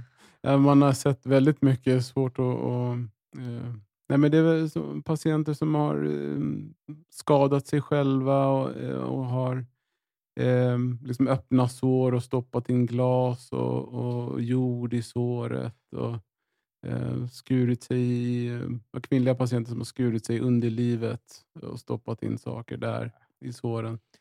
Ja, det, det, det är Eh, väldigt mycket, ja. mycket obehagliga saker man ser om man jobbar i psykiatrin. Jag, är, jag är ledsen att säga det, men så och är det. ni som, både är- personligen ni, men också generellt de som jobbar i psykiatrin, får man eh, stöd? För att alltså, det här är ju eh, potentiellt grund för trauma, alltså att bevittna våld. Liksom, och stå och titta på om någon sliter ut sitt öga. Det, det är inte säkert Jag har att inte man lämnas tittat på oberörd. när någon har gjort det, men jag har träffat patienter som Okej. gjorde det. Så Men säg att man är, i rummet när det här sker eller när någon gör Ja, någonting. jag har ju som- varit med på psykakuten. Att de, eh, psykakuten jobbar jag i 13 år. Där, eh, vi hade faktiskt inget suicid under den tid jag var där. Eh, men däremot en kille som tog någon, eh, och det ändrade vi efter det. Eh, eh, toarullen sitter ju fast med, man tar loss eh, toa, toapappret det med en vass grej. Och han skar ju det upp så det Mm. väl, eh, Mm. i halsen. Så, eh, efter det så tog man bort det. Det Ja. var ju lite korkat att inte ha gjort det innan. Men, Mm. men men det är svårt att tänka på allt. Ja. Ja, det är många förändringar som har skett med tiden. Liksom. Ja, det- man tar bort man- man- man plastpåsar papperskorgen exempelvis. Ja, men, ja, och- men sen går det ju inte. In, precis innan jag började på psykakuten så var det en kille som hängde sig i sina egna byxor. Det är lite svårt att göra. Någon, det Mm. kan du inte riktigt... Mm. Hur det här påverkar er eller de som jobbar i psykiatrin? Får man, alltså, finns det, för, jag vet inte, nu kanske det blir individuellt vad ni behöver, men generellt finns det stöd att få? För att det är Alltså, ingen, det- jag upplever är ju att, eh, och det är lite märkligt, det har jag alltid funderat lite över, men det är ju så, som läkare har du i princip ingen handledning överhuvudtaget. Men sjuksköterskor och skötare har ju regelbunden handledning. Eh, Mm. och så, men läkarkåren, jag vet inte varför. borde jag, man ha det? Ja, det, det, det, det, tycker jag man ändå borde ha. Eh, ofta är det ju också läkaren som det kommer, ansvaret faller ju också. Alltså det, det, det är ju en sak att, att man ser obehagliga saker, men ansvaret landar ju oftast på läkaren också om det händer någonting. Så att absolut, det, det, det man har är ju, jag har ju då var ju chef på psykakuten under flera år, eh, och det man alltid hade, det var ju handledning efter att någon hade suiciderat eller någonting sånt. Så jag hade ju några underläkare som var, hade oturen skulle jag säga, för det var verkligen inte deras fel, men som hade skickade, det var någon stackare som skickade hem, jag tror han hade tre suicid inom loppet av väldigt kort tid. Mm. Och, och det är klart, det kan ju prägla ett, ett yrkesliv. Mm.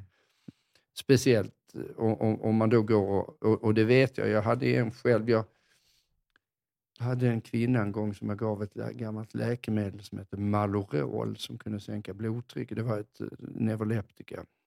Och jag vet att eh, en kvinna som jag gav det här till, och det är en känd biverkning att man kan få blodtrycksfall av det.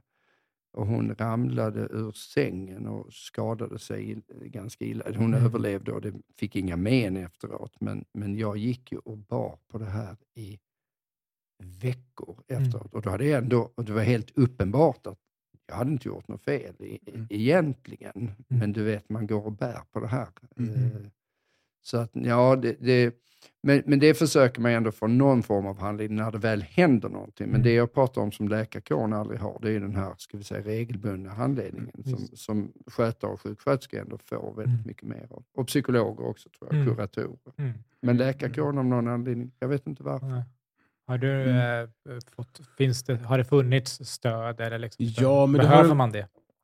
Ja, alltså jag har inte känt något där jätteuttryckt eller jättestarkt behov av att, av att behöva prata med någon om, det som händer inom, liksom på arbetsplatsen. Så. Men jag vet ju att det finns. Så liksom närmsta chef har ju det, liksom, vad ska man säga, eh, ett personalansvar eller ett eh, ansvar att se till att personalen mår bra. Så det, men det, har ju även känt... läkarkåren. Men, ja, men jag men tänker precis. den här externa handledningen, om man jobbar på en slutenvårdsavdelning till exempel, ja. så har man ju alltid en extern handledare. Men ja. läkarna är aldrig med, Nej. för läkarna ingår liksom inte riktigt i gruppen. Eh, och det är också delvis för att ST-läkarna då, eller AT-läkarna, de, de, går ju runt mm. mellan olika avdelningar, så de, de, ingår liksom inte som en del i arbetslaget på samma sätt. Mm. Och har du överläkaren så är han chef. Mm. Så då ingår han inte på grund av det. Eller han inte, du har ju en enhetschef, men sen har du liksom de medicinska chefskapet ligger på läkaren. Så att det blir liksom inte att läkarkåren har det, mm. den här externa mm. handledningen. Det är något som jag tänker, man, man, jag vet inte, det kanske inte behövs. För jag, tänker, så det, jag har inte jobbat, det kanske också blir en, en del av jobbet och saker som man utifrån tänker, det här låter helt sinnessjukt, som är så här, ja, ah, det kanske är rätt sjukt, men det är något man hanterar. Men för jag tänker att det finns många sådana alltså, lärare som kan bli attackerade av elever eller hotade och sånt där. Att, att det, det är saker som man kan behöva. Här, man, man, behöver inte vara att någon dör för att man blir nej, påverkad nej, av det, nej, oavsett om det är i ert jobb var, eller annat. Men det var ju som den här som fick det här läkemedlet och fick mm. blodtrycksfall. Mm. Det var ju så att det, det är ju inte så att man, man tänker, oh, skönt att hon inte dog. Men man tänker hon kunde ha dött. Mm. Alltså då går du ju med det. Mm, och så tänker jag bara att bli ut, alltså, du kan bli attackerad, alltså om man jobbar i psykiatri, någon kan attackera någon som jobbar där och liksom mm. allt det där. Ja, ja det, det händer ja. ju mycket. Nu jobbar jag på Maria Beroende. Där händer det ju ganska ofta. Det är mycket vanligare än på psykakuten. Mm att, att man blir äh, anfallen av äh, drogpåverkade personer som mm. ofta, speciellt om det är centralstimulanser som amfetamin, de är ofta väldigt aggressiva. Är det läskigt? Någon gång? Jag har ju haft den turen i mitt liv. Ja, ja, nu ska jag säga turen. Jag tror inte bara det är tur faktiskt. Jag tror det är lite tur att jag äh, varit med om så oerhört få. Jag har faktiskt bara haft ett suicid under hela min uh, verksamma tid som, mm. som psykiater och det tog jag ganska hårt trots att det här var en person som hade gått till alla möjliga och mått jättedåligt väldigt lång tid. Men jag har faktiskt en gång blivit anfallen. Mm. Det har bara hänt en gång och det var när jag gick jour en gång på Sankt Göran och så gick jag upp till en avdelning där jag ett, helt, ett ärende som ja. jag fick dit. Och då kommer det en kvinna gående mot mig i korridoren som jag aldrig sett. Och så när hon går förbi mig så ger hon mig en örfil och så går hon vidare. Det är det enda som har hänt. Mm. Eh, och jag har ju ändå jobbat som sagt 13 år på psykakuten. Och Blir du påverkad av det?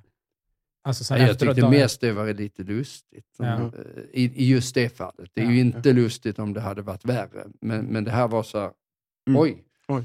Men jag tror att man ska, och där har ju, upplever jag psykiatrin blivit mycket bättre på att, när jag började på psykakuten så var det väldigt många som jobbade där som faktiskt inte hade där att göra, skulle mm. jag säga. Alltså de var eh, triggade patienter på ett obehagligt sätt och då blir det mycket våld. Men är man schysst mot de allra, allra flesta det kan vara lite svårt med eh, dementa, för det, mm. det, det, är svårt att kommunicera med. Det, de flesta skador som sker i psykiatrin är ju äldrepsykiatrin. Mm. Dementa som är rädda och mm. aggressiva. Och sen är det ju, som jag sa, amfetamin, eh, psykoser. Som, som ofta kan vara aggressiva och, och kommer väldigt plötsligt. Kommer plötsligt men, men, det är svårt att prata och resonera som säger med någon som har för sig att de är Jesus och därför A, ja, B, Schizofrenisjukdom, om, du inte ser, om de inte är drogpåverkade, vilket ju tyvärr med tiden har blivit mycket vanligare. Mm. När, när jag började så schizofrenisjuka använde nästan aldrig droger. Nu, nu är det mycket mer eh, oklart. Men, men där upplever jag de brukar inte vara aggressiva. Sen vet jag att om du tittar på studier så är de fem gånger aggressivare än genomsnittsbefolkningen. Men för dig har det inte varit Nej, eh, och sen ska man väl komma ihåg att genomsnittsbefolkningen är inte särskilt aggressiv, så mm. fem gånger över det är inte jättemycket heller. De allra flesta är inte Men om farliga, man liksom. skiter i aggressivitetsfaktorn då, att bara vad ska jag säga, resonera med dem. Så även om inte du är utsatt för den som tror att den är Jesus, alltså någon slags hot, men hur, hur pratar man ner en person som är eh, övertygad om någonting som är utanför Det är våra... meningslöst och det är väl därför Så jag hur inte blir slagen heller. Ja, visst, så, så hur, gör, hur, gör, hur gör man? Hur, hur bör man göra? Ja, men det är lite intressant för det finns ju kognitiv beteendeterapi för schizofrenisjukdom och det har ju ändå eviden, viss evidens i vanföreställningar. Du, du kommer ju inte åt hallucinationer, det, det säger sig självt att hallucinationer är liksom, de styrs av eh, processer i hjärnan som är svåra att prata bort. Så Mm. att säga. Men däremot slutsatsen av hallucinationerna kan man ju eh, eh, hygglig evidens av det, det är inte jättebra, men, men det funkar Någon chans. Li, någon chans. Nej, men det är intressant, för när jag började i psykiatrin så lärde man sig att gå aldrig in i en eh, psykotisk människas eh, vanföreställningar. Alltså det var ju liksom den hållningen man hade. Om någon började prata att de var Jesus eller Elvis Presley eller så, lämna det bara. Släpp det. Och, bara, och säg vad då? Säg så Eh. här, ah, okej, det- Ja, ja, medicin. eh, Du, är välkommen här. Vi ska Ja. ge dig lite medicin och så. Och det, det har alltid varit grundinställningen. Men sen kom ju de här studierna med KBT. Eh, och, och eh, efter det så, så ändrade man väl lite håll. Jag tror att hållningen idag, nu jobbar inte jag med psykossjukdomar längre, men jag tror att hållningen fortfarande är att gå inte in i det där för Men hur skulle du göra om jag, jag säger jag är Jesus? Liksom. Jag kommer in hos dig och jag är Jesus och därför måste jag, vad det nu är, göra det här. Skulle du liksom se, försöka le, gå den vägen som är okej, du är Jesus, men hur kan du då leva ett liv som blir så... Jag skulle inte hålla på och dividera om det. Nej. Det skulle jag inte göra. Eh, och det, det tror jag, alltså jag menar, ska man dividera om det så, så måste du göra det strukturerat i en terapi. Och en KBT för schizofrenisjukdom kan du inte sitta 45 minuter, för så länge attention span har de inte. Så de måste sitta 5-10 minuter, men Mm. du måste ju jobba över tid med det här. Eh, och, eh, så länge du inte har möjlighet att göra det så skulle jag nog ändå förorda att man gör precis som man gjorde förr, att man går inte in i det där utan man säger jag ska hjälpa dig på olika sätt. Ibland har jag i och för sig sagt, okej, du kanske är Jesus, jag kan inte veta om du är Jesus. Mm. Man skulle kunna, Mm. så här, jag kan inte veta det, men det kan inte du heller. Så att antingen så är du Jesus och då lär det visa sig, eller så testar vi den här medicinen. Mm. Alltså man, man, man kan ju ändå föra någon form av... Mm. Det har jag gjort vid några tillfällen när folk är väldigt ovilliga att ta medicin. Och det är ju bättre att de i alla fall är med på tåget någorlunda. Mm. Och så säger de till "Ja, jag vet att det här inte kommer hjälpa. Bra, vi testar. Ja. Mm. För att jag, jag, varit, jag var med om eh, eh, en liknande upplevelse utan att ha en, ha en psykos. Men jag träffade en läkare eh, eh, som nog trodde att jag hade, eller blev bemött så. så Som var, om du var psykotisk. Ja, för Mm. att det var efter metoo och så blev jag då, eh, eh, jag fick, jag skulle få gå traumaterapi eh, och då fick jag först prata med en psykolog som pratade lite om vad har hänt och lite så här. Och sen någon dag, några dagar senare skulle jag prata med en läkare och de här hade inte pratat ihop sig. Och, eh, och han frågade ju då så här, men vad, vad är det som har hänt? Liksom, så här, ja, det, det påstås det här. Och det, så här, Okej, har du gjort det här då? Så Jag blev helt, alltså bara fråga. Nej, det är klart jag inte har gjort. Liksom. Eh, nej, okej, och men hur vet du, eh, och vem är det som säger det här? Ja, men det är olika personer och jag vet faktiskt inte. Det, det står bara i tidningen. Jag vet faktiskt inte hur många eller vad det Jag gäller. visste ens inte vem du var. Så. Nej, han har ingen aning. Va, det blir kul. ja. vad, vad får dig att tro att det är dig det står om? Ja. Ja, men alla vet. Står det ditt namn? Nej, men alla fattar. Det står på ett sätt så att man fattar. Du vet. Ja. Och det, gav, alltså det var så jävla provocerande. Det var Ja, så det förstår jävla jag. olustigt. Men jag har Och det gav haft mig en förståelse för hur det är, Mm. måste vara, Mm. att Mm. le, ha Mm. sin verklighet. Men jag har alltid haft som hållning när jag jobbar på psykakuten att jag eh, förutsätter, eh, eller så här, jag har förutsatt att det de berättar är sant tills jag utifrån min egen eh, rationella grund kan säga det här, det här håller inte. Mm. Så eh, alltså, jag, jag tror att det är en ganska bra ingång i att inte vara på det här sättet som den här läkaren var mot dig. Det vill säga om någon berättar till exempel, så, säg att du har tagit amfetamin. Alla, nästan alla som tar höga doser amfetamin får ju snutnoja. Snutnoja är ju att du är rädd för polisen helt Mm. enkelt. Och grejen är ju den att om du tar amfetamin höga doser, då har du en viss anledning att vara rädd för polisen. Eh, Så det kan ju ligga någonting i det. Det är bara det att det är väldigt mycket vanligare att du har snutnoja om du tagit amfetamin än om du rökt eh, eh, heroin. Mm. Och de har precis lika stor anledning att vara rädd för polisen. Så att det är alltså en effekt av amfetaminet. Men då, då hade jag alltid som policy, och det gäller ju även schizofrenisjukdom, att ja, det kan vara så. Han kanske är Jesus, tills jag inser att det är någonting logiskt här som inte går ihop. Mm. Eh, och då Mm. kan jag eh, gå vidare. Mm. Eh, Så jag tror att det är en ganska sund variant att, att, att förhålla sig till. Så att, sen är det ju ibland kanske det krävs två minuter samtal innan man förstår att det här håller inte ihop. Men, Mm. men ibland han, kan ju, det ta han lite längre tid. Veta, det och han behövde ju veta, så, alltså det, det är väl olika hur man behandlar människor, om Mm. det här är någonting som har hänt eller som inte har hänt. Mm. Eh, Mm. vad Mm. folk andra uppfattar. Liksom. Eh, det var bara så ot otroligt. Jag var helt så här, så att efter ett tag, så, har han någon inspelning? Jag blev paranoid. Liksom, så här. Så han fick rätt till slut. Ja, ja exakt. exakt. Och det är min, min eh, skräck, eh, liksom, eh, historia. En, en klasskompis som jobbade som sjuksköterska i psykiatrin i många år, och han, de hade en patient som var övertygad om att han var avlyssnad av Säpo. Mm. Och så var han det. Ja, men, men det, var, det, det där är väldigt intressant, för det är precis den hållningen jag alltid haft. Om någon kommer till mig och säger jag är avlyssnad av Säpo, så, så försöker jag bara helt enkelt förhålla mig till, okej, ligger det någonting i det här eller ligger det inte någonting i det? Inte avfärda det från början, Mm. för det kan jag. Jag menar, människor blir avlyssnade av Säpo. Mm. Så det, det är ett bättre exempel än att de tror de är Jesus, för det kan du avfärda ganska fort. Ja. Fast jag, jag hade en roman som jag började skriva på en gång eh, i tiden som faktiskt handlade om en person som, som, eh, som eh, det, det, det inspirerade mig väldigt mycket att säga att det nu är så att du har någon, eh, du är eh, avlyssnad till exempel. Mm. Eh, jag tror jag kallade det boken Paranoia, den blev aldrig klar för jag tröttnade på den där efter Mm. 30 sidor, Ja. eller 50. Men, men det var så att han var verkligen avlyssnad. Det Ja. var precis den här Den historien. premissen, ja. premissen, men alla tolkar honom som äh, gaslighting. Ja. liksom. Ja, det är... Jag, vi har ju babblat på hur länge som helst, men jag vill inte släppa. Jag vill ändå prata lite grann om det. Så jag jobbar Vi kan prata, jag ska på middag klockan åtta, vi kan Ja. prata ett tag till. jag jobbar ju på Maria Ja. beroende. Och, och, Mm. Men eh, det här, eh, vi hade en föreläsare i skolan som pratade, vet att du har också någon koppling om Laro. Eller du? Nej, det har ingen koppling Nej, men det- vi- Laro, jag, jag jobbar inte med Ja. Laro själv, men jag, jag, Det har varit kritiserat. Eh, ja, ja, det är ju helt befängt att kritisera Laro. Ja. Laro räddar ju liv. Och eh, de, de som inte vet vad det är, så, LARO står för läkemedelsassisterad rehabilitering av opioidberoende. Mm.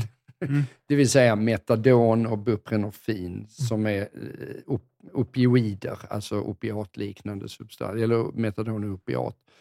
Eh, alltså heroinliknande Mm. substanser. Då. Eh, som man ger som substitution för att bli av med heroin. Eh, och vi kan säga så här att sen vi började följa Socialstyrelsens riktlinjer för det här 2016, det var innan jag kom in i bilden, så tror jag åtminstone fram tills jag slutade vara chef i våras så hade vi inget dödsfall. Och då ska man ändå säga att eh, av- människor som har, alltså dödsfall hade vi, men Ja. inte i heroinöverdos som var i behandling. Mm. Eh, dödsfall ser man ju, det är tyvärr människor som dör av alla möjliga Mm. grejer, eh, som har heroinberoende i, i bakgrunden. Men, men, eh, men eh, då ska man komma ihåg att Sverige har högst eh, narkotikarelaterad död i hela Europa. Och vi på Maria hade noll Mm. fall. Och kritiken, bara så för att vara tydlig, för jag tycker att det är viktigt att tas, tas upp. Jag håller med dig, eh, bara, bara tydlig med det, men kritiken är att det är så, man, man, ger, man ger knark till knarkare. Liksom. Mm. För att det, som du säger, man, det är substitut, men det är ju då... Det Men du får ju ingen kick på det. Nej, så det, jag tänkte, det, det finns väl, det väl två, tre olika preparat man ger. För de kan ju fungera så som att de, eh, om man tar, så man, man, de sätter sig på samma receptorer, Mm. men bara på de upp, eller hur, hur fungerar Ja, alltså det? det, så metadon är ju det man började med. Det, det är alltså en långverkande opiat, alltså som man använder i smärtbehandling också. Så att man, man kan ju då alltså vi, metadon skrivs inte bara ut av beroendekliniken utan även av eh, onkologen och mm. alla, alla möjliga. Då.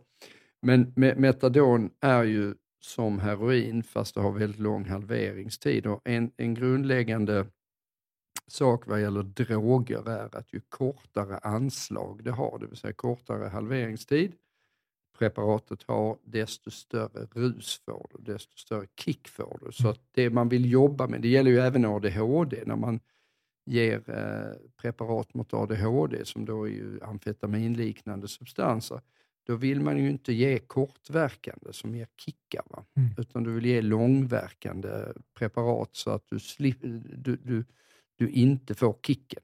Det är inte kicken du är ute efter, mm. utan du är ute efter någonting annat. Problemet är för mig att eh, jag får istället svårt att sova. Fast för att det är så otroligt ja, ja, och det händer vad gäller ADHD, att man, ja. att man då tvingas att ge kortverkande. Vi på beroende ger aldrig kortverkande, i princip aldrig nej, kortverkande. Jag har inte nej. nej. Men, men, men så kan det vara. Mm. Att, att, att, eh, men det vanligaste problemet är att de långverkande inte, ändå inte är tillräckligt långverkande. mm. jag säga. Det mm. vanligaste är att om man ger Concerta till exempel så tar det slut vid tvåtiden på mm. eftermiddagen. Eh, Elvanse är lite bättre, det brukar hålla lite längre. That's my jam. Mm. Eh, men, men de här andra så ger man då, då ger ni eh, eh, preparat som håller halveringstiden längre så man får inget rus, men de också sätter sig väl på de här receptorerna ja. så att om man skulle ta så om, man förstår, om jag förstår det rätt, så är receptorerna upptagna. Buprenorfin är ju så. Buprenorfin är vanligt som vi ger ofta till, till de som har ett aktivt heroinberoende. Så, så, så försöker man sätta dem på buprenorfin som blockerar och gör att det blir, det blir inget kul att ta heroin. Nej, så den här ruset ja. uteblir och dödligheten då också? Ja, eh, eh, det, det, är ju, buprenorfin brukar också finnas i, i, i, preparat som är blandade med en substans som heter Naloxon. Mm. Som, som finns det, är den som är nässprayen? Ja, det finns, man, vi ger ju det till heroinister så att de kan rädda livet på sina kompisar. Precis, genom att man bara sprutar in det i näsan? En nässpray, alltså det blockerar, alltså det, det tar bort uh, det är en antagonist till heroin, det vill säga det motverkar heroinet, ja. så att då vaknar man. Men det får man lära sig på beroendeakuten, att om man ger Naloxon till folk, då måste man ta ett steg tillbaka, för att då kommer ju heroinisten bli jättearg, för mm. att man har ju snott tusen spänn av dem. Mm. Hur? Man har förstört ruset. Man har sabbat ja. ruset. Ja. Just det. Uh, sen, att de, sen kanske de efteråt förstår att ja, han räddade faktiskt livet på mig. Men ja. just där och då mm. så är det då sabbar man ju det. Sen är ju en annan fara, det kan ju vara bra för om det är någon som håller på med heroin här, av lyssnarna, mm. att man, det räcker inte med en Naloxondos för att eh, heroin har längre halveringstid än Naloxon, så att sen ramlar man ner och mm. så dör man i alla fall fast man fick Naloxon. Mm. Så man får ge det igen. Mm. mm. Bara, mm. bara komma ihåg. Mm. Ja, det är bra. Finns det något eh, så, eh, vad, vad borde förbättras då med Laro är, är, är, bra och har räddat liv. Vad, eh, med, för beroende är ju svårt. Jag, det sista jag gjorde eh, som chef på Maria innan jag fick sparken eh, var att, eh, var att kommentera ett klipp på, på i, var att initiera en mobil Laro. Ja. Det vill säga istället för, vi har ju då Laro på Maria, men det är många som inte ens kommer dit, ja. så att man alltså initierat man åker ut med, med, med en buss eh, till de olika boendena där de här mm. bor och att, de då, att vi kan ta emot fler mm. patienter på det sättet. Jag vet inte vad som har hänt sedan jag slutade vara chef, om de Nej. har eh, fortsatt med det här, men det var det jag initierade mm. eh, i alla fall. Eh, men, men det är bra. Eh, vi jobbar ju mycket med att behandla hepatit C på beroendekliniken till mm. exempel, eh, så att de inte dör av det. Finns det någon, eh, har du någon uppfattning om eh, avkriminalisering eller legalisering? Tror du att det skulle hjälpa någon eller hjälpa någon? Eller? Eh, jag är ju av uppfattningen att, av, det, det, vet jag att de, de, vissa inte alls anser, jag anser att avkriminaliseringen är en no-brainer. Mm. Ja. Det vill säga, det är fullständigt självklart att vi inte ska kriminalisera eh, en sjukdom. Mm. Alltså det finns ju två, det finns ju två eh, möjliga scenarier när det gäller eh, droger. Det ena är att du är beroende av det. Det är klassat som en sjukdom. Det är Mm. dessutom en, i alla bemärkelser en sjukdom, för du kan till och med se strukturella förändringar på hjärnan, alltså det man kallar för beroendehjärnan. Så det, då är det ju en sjukdom, det kan du inte kriminalisera. Det blir ju helt idiotiskt att Mm. kriminalisera en sjukdom tycker jag. Eh, eh, och det andra situationen, det är att du tar droger och det är inget problem. Det vill säga, vi har en del människor som tar ecstasy en gång om året eller en gång i halvåret eller whatever, men de har inga problem av det. Ja, då kan du inte kriminalisera det heller. Så att du, du har ju egentligen två skäl, eh, två olika scenarier. Sen finns det ju gråzon naturligtvis. Ja, man kan ju argumentera Du kan att, ha ett väldiga problem. Du, du kanske är kolatorsk och tar ko- kokain Mm. alldeles för ofta. Va?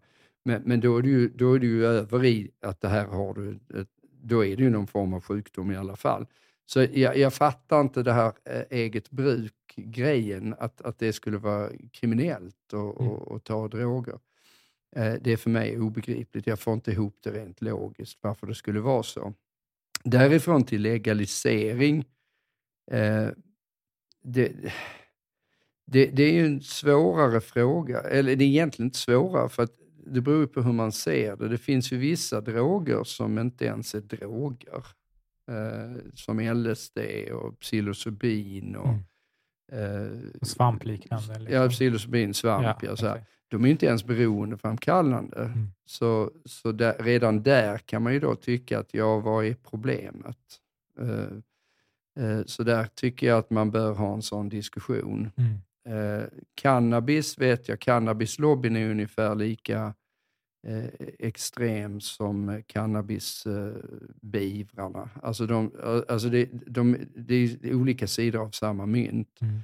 Alltså, först har du de här gateway-teorin som ju smulad sönder och samman för evigheter sedan. Det är inte så att du, bara för att du har rökt cannabis så kommer du en, sluta heroin som heroinist. Det, det finns en korrelation. Man slutar som rappare, tror jag. Ja, men alla människor som börjar med socker eh, kommer ju Ja. hamna i Ja, det här. Det, det, är en, det är en bullshit. Ja. Du blandar ihop kausalitet och korrelation. Mm. Men, men, men därmed inte sagt att cannabis, som cannabislobbyn ska ha det, ja det är bra mot smärta och det är bra Mm. mot det och det är bra mot allt möjligt. Nej, det är det inte. Cannabis är inte egentligen någon jätte... Det är varken särskilt bra mot smärta, det finns en del evidens för att det kan i vissa fall ha en hygglig effekt, men det är inte... Det, det, alltså det, det har blivit som att cannabislobbyn vill ha det här till Mm. att det är någon form av mirakelmedicin. Det är det ju inte.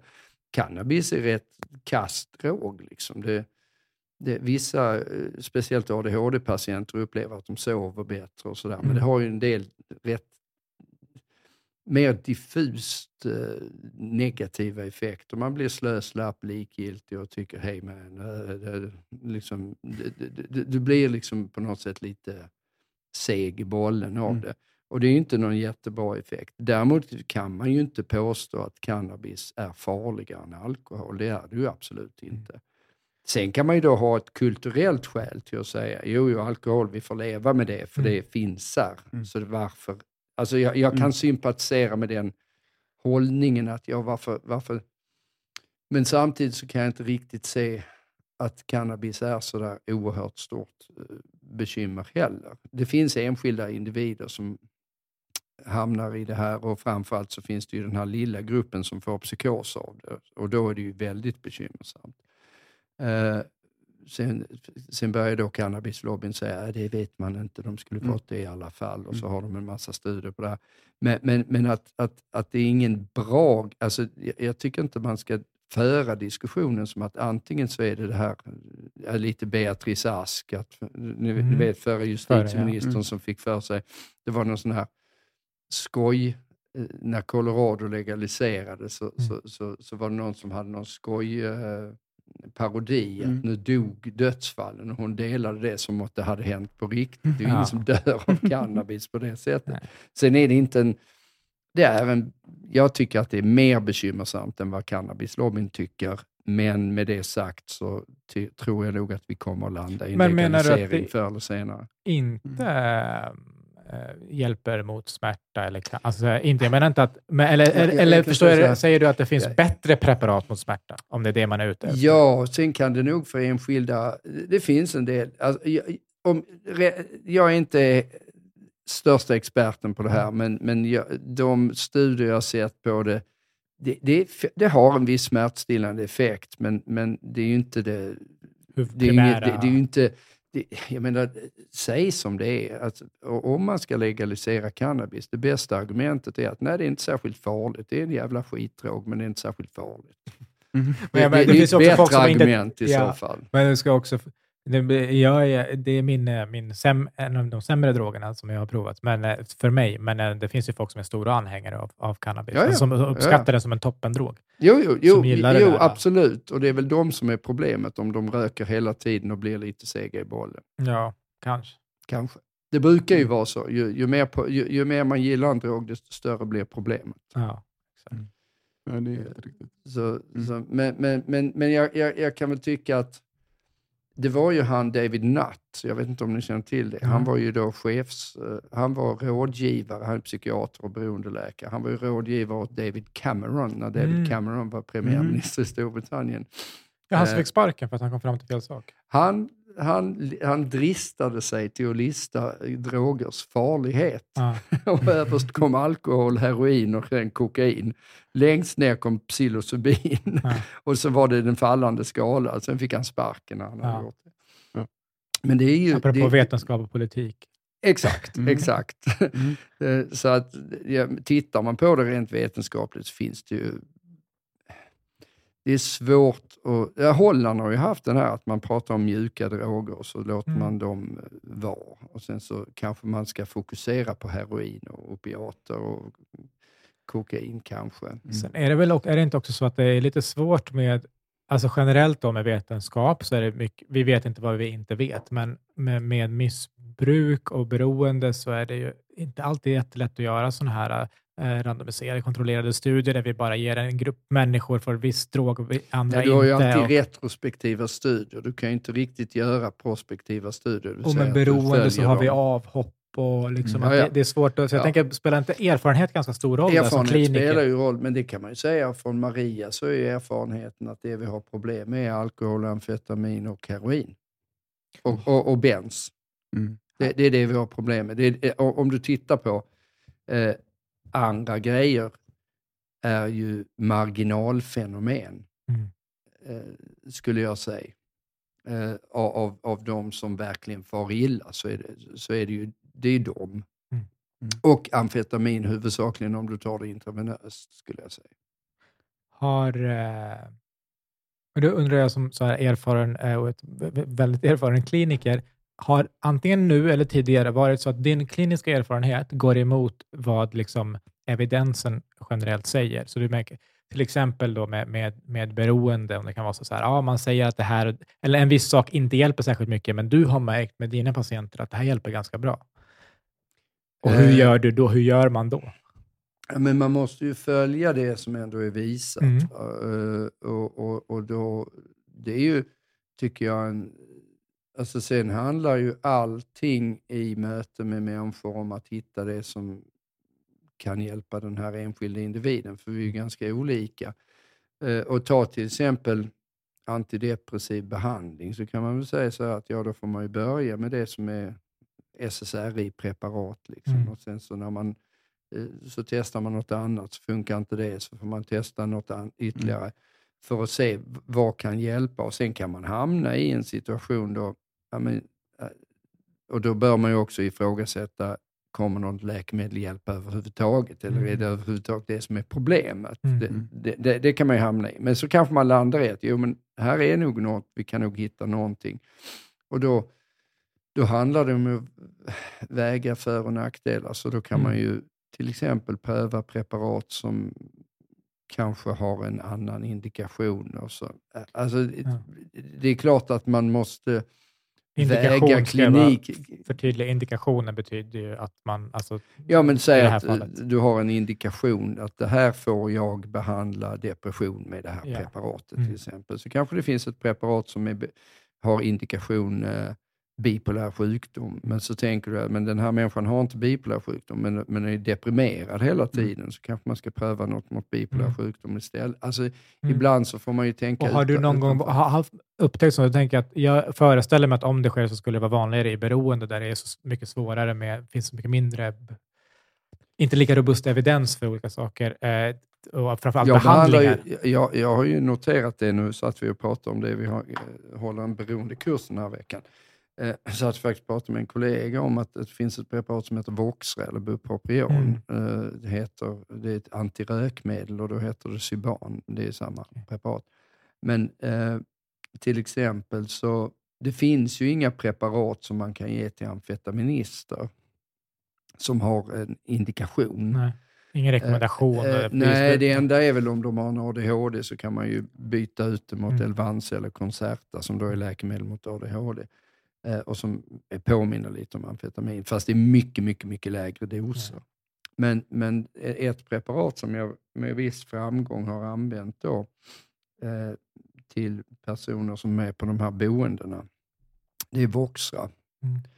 Eh, Bupropion då, så, som tycks i, för vissa ha rätt bra effekt. Men det är ju egentligen ett antidepressivt läkemedel. Mm. Så att ibland, Mm. så, ibland får man ju liksom Jag think outside of the vi- box. Och det är så mycket vi inte vet. Alltså varför det funkar. Typ Mm. ECT, så EMDR är ju äh, Mm. behandling mot trauma. Mm. Där man verk, det finns ganska god evidens, Mm. eh, eller jättebra, eller, eller bara ens egna. Liksom så här. Jag, har Mm. behandlat, jag har provat det här på tio personer och det har funkat jättebra. Mm. Sen för att det inte har funnits resurser eller vad som helst inte gjort studier på det så, finns det, så är inte det indikation Nej, eller men det är också jätteintressant. Det är till exempel mot alkohol så har vi ju två preparat i Sverige, som då har, eller tre om man räknar in antabus. Mm. Eh, Men antabus är ju bara ett medel som du tar så att du kräks och mår dåligt. Och, Ifall du dricker. Och ifall du dricker. Ja. Liksom så. Eh, Men, men det finns ju två preparat som har då i FASS indikationen alkoholberoende.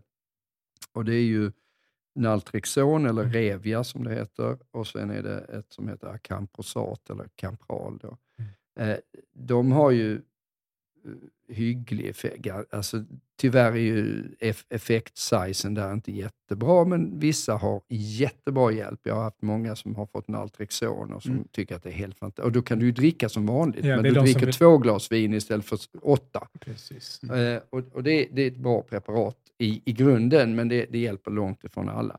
Men det intressanta är ju att det finns ju andra preparat, till exempel Baclofen, som är ett preparat som i Sverige används mot MS, Mm. som har lika bra evidens, eller kanske till och med bättre evidens än Naltrexon och, och Campral, och som är förstahandsmedel i Frankrike till exempel, Mhm. vid alkoholberoende. Mm. Men det har inte indikationen i Sverige, för det är ingen som har ansökt om det.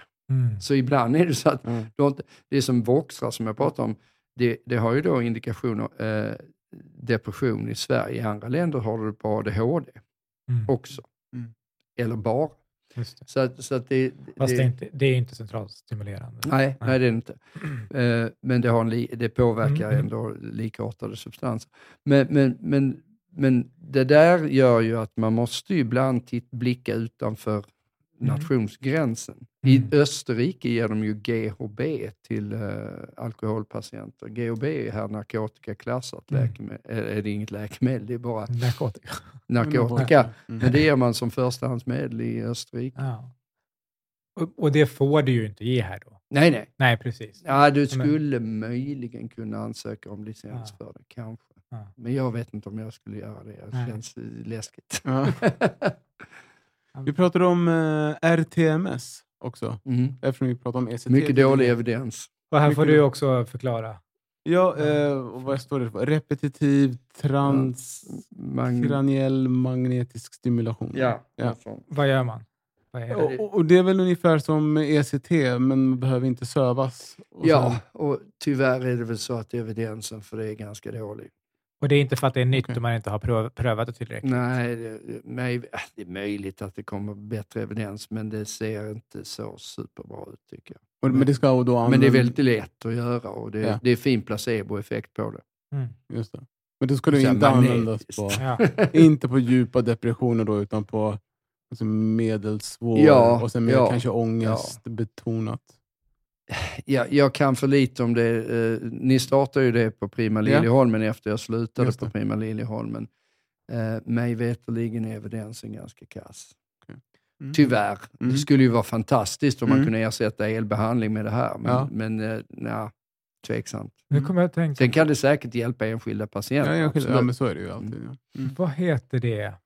Det står still i huvudet. Jag kommer på det nu bara. När man, eh, nu när du sa placebo, när man opererar fast det inte finns en anledning. Alltså inte Sham, eller vadå?